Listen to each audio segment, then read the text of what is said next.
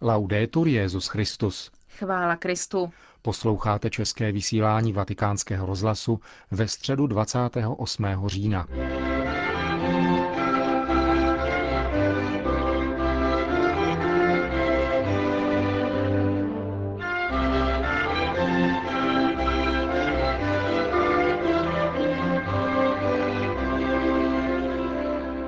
Jako je ve středu zvykem, i dnes se ve Vatikánu konala generální audience svatého otce. Přes 30 tisíc věřících si dnes na náměstí svatého Petra přišlo vyslechnout katechezi Benedikta XVI.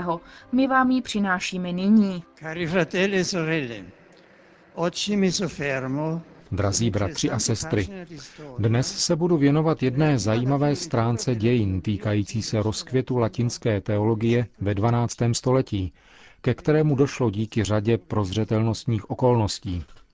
V zemích západní Evropy panoval tehdy relativní mír, který zajišťoval společnosti ekonomický rozvoj i upevňování politických struktur a podporoval živou kulturní činnost také díky kontaktům s východem.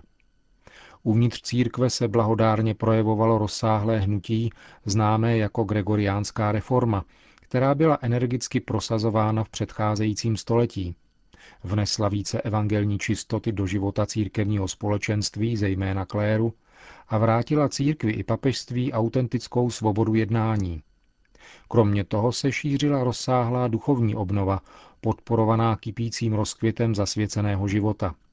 Vznikaly a šířily se nové řeholní řády, zatímco ty už existující procházely slibným oživením.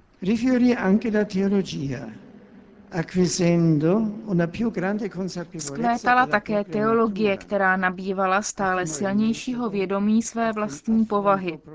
Vytříbila metodu, vyrovnávala se s novými problémy, pokročila v kontemplaci tajemství Boha, dala vznik základním spisům, inspirovala významné kulturní iniciativy v umění a literatuře a připravila mistrovská díla následujícího století.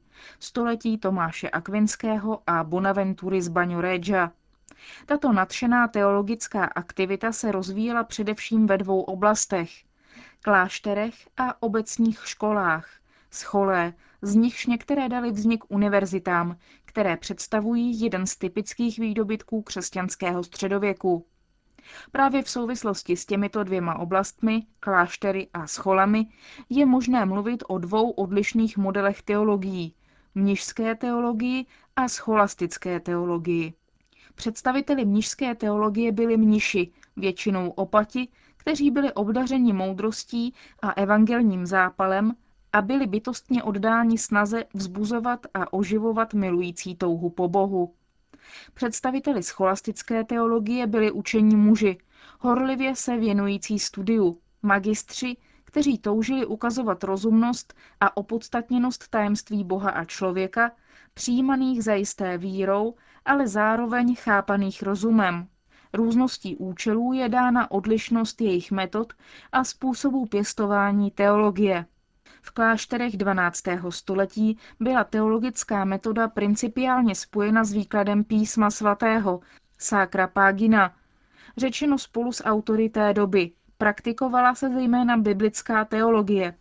Všichni mniši byli zbožnými posluchači a čtenáři písma svatého a jedno z jejich hlavních zaměstnání spočívalo v lekcio divina, takzvaném modlitebním čtení Bible.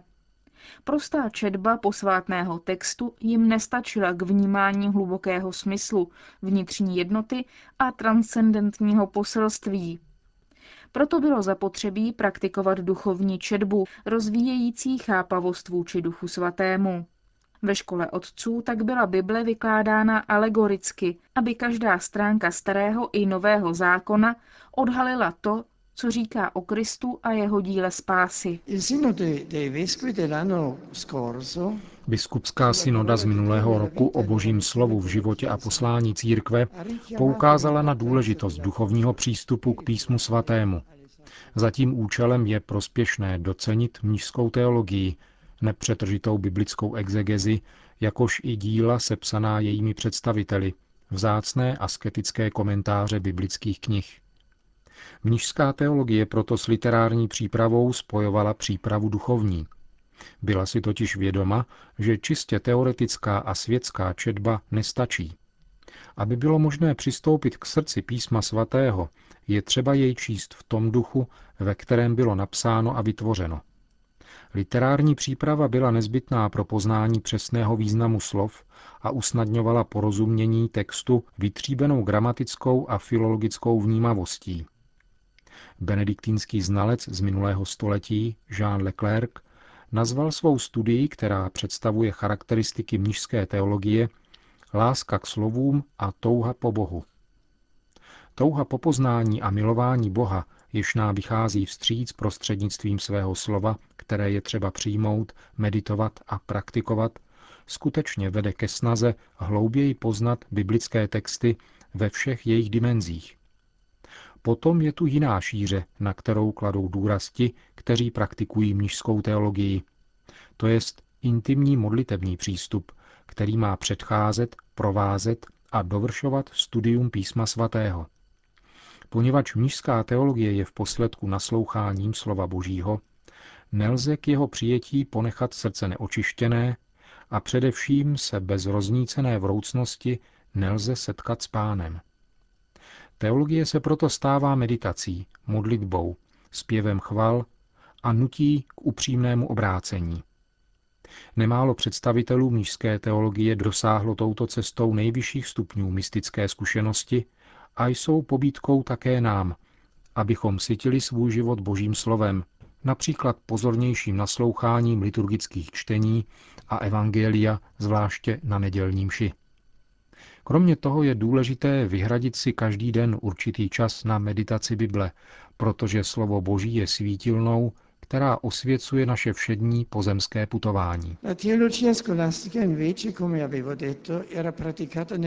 Naproti tomu scholastická teologie, jak jsem řekl, byla praktikovaná ve školách, které povstaly při velkých katedrálách té doby a byly určeny pro přípravu kléru nebo kolem určitého učitele teologie a jeho žáků, aby formovala odborníky v oblasti kultury v dobách, kdy si vědění začalo získávat rostoucí vážnost věrnost. V metodě scholastiků měla ústřední místo questio, to je problém, který stojí před čtenářem, který se vyrovnává se slovy písma a tradice. Tváří v tvář problému, který je těmito směrodatnými texty dán, vznikají otázky a rodí se debata mezi učitelem a studenty. V této debatě se objevují jednak argumenty autorit, jednak rozumu a debata se rozvíjí s cílem nalézt nakonec určitou syntézu mezi autoritou a rozumem a dosáhnout tak hlubšího porozumění slova Božího. V této souvislosti říká svatý Bonaventura, že teologie je per additionem. To znamená, že teologie doplňuje k božímu slovu dimenzi rozumu, vytváří tak hlubší víru, Pořádání questiones vedlo ke stále rozsáhlejšímu sestavování syntéz. Sepisovaly se různé questiones spolu s odpověďmi, které vyšly najevo a vytvářela se tak jediná syntéza, takzvané sumy, které byly ve skutečnosti rozsáhlými teologicko-dogmatickými traktáty, jež vznikly ze setkání rozumu se slovem božím. Scholastická teologie se snažila prezentovat jednotu a harmonii křesťanského zjevení metodou, označovanou právě jako scholastická, tedy školní, která dává důvěru lidskému rozumu. Gramatika a filologie slouží teologickému vědění, ale ještě více mu slouží logika. To je disciplína, která studuje fungování lidského rozumu, aby ukázala zřejmost pravdy určitého tvrzení. Dodnes při četbě těchto scholastických sum udivuje přehlednost, jasnost, logické propojení argumentů a hloubka některých intuicí. Za pomoci technického jazyka je každému slovu přiřazen přesný význam a mezi vírou a porozuměním nastává vzájemný pohyb vysvětlování. Drazí bratři a sestry, s odvoláním na výzvu z prvního listu Petrova nás scholastická teologie podněcuje, abychom byli stále připraveni odpovídat komukoliv, kdo se nás ptá na důvody naděje, kterou v sobě nosíme.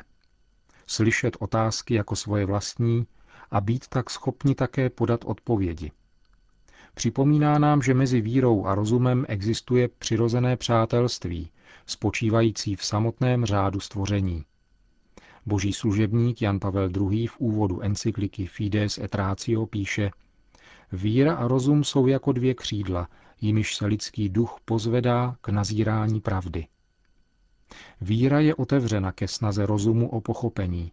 Rozum pak uznává, že ho víra neumrtvuje, ba naopak povzbuzuje k širším a vznešenějším horizontům.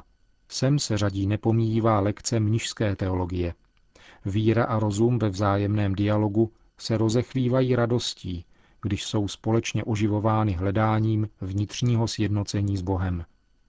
Když láska oživuje modlitební dimenzi teologie, pak se rozšiřuje poznání získané rozumem. Pravda je hledána pokorně, přijata v úžasu a vděčnosti. Jedním slovem, poznání roste jedině, miluje-li pravdu. Láska se stává inteligencí a autentická teologie moudrostí srdce, která orientuje a podporuje víru a život věřících. Modleme se tedy, aby cesta poznání a prohlubování tajemství Boha byla stále osvěcována božskou láskou.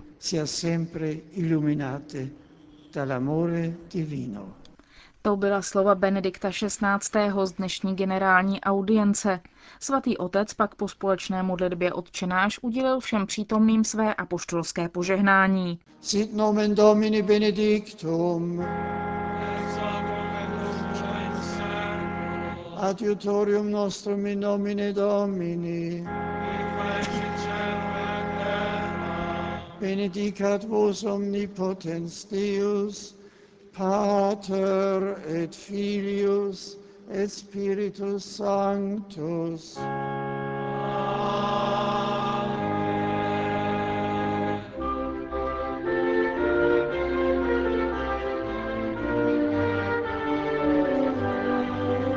Další zprávy.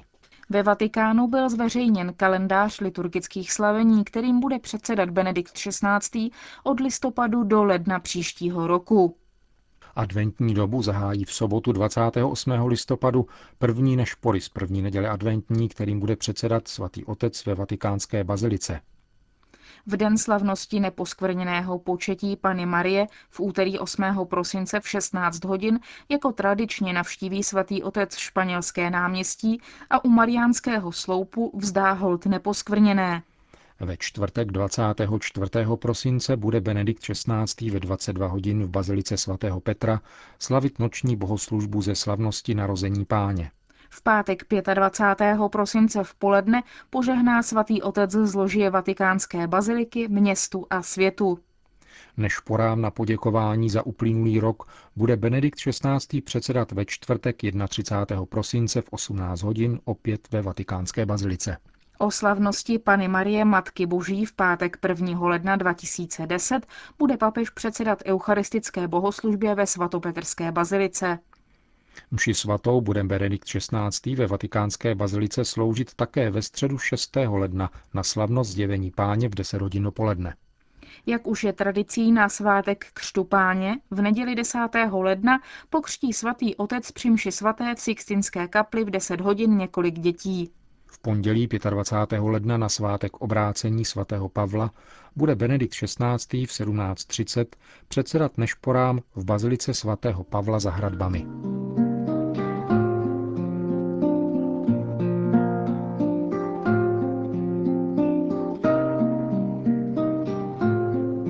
Končíme české vysílání vatikánského rozhlasu. Chvála Kristu. Laudetur Jezus Christus.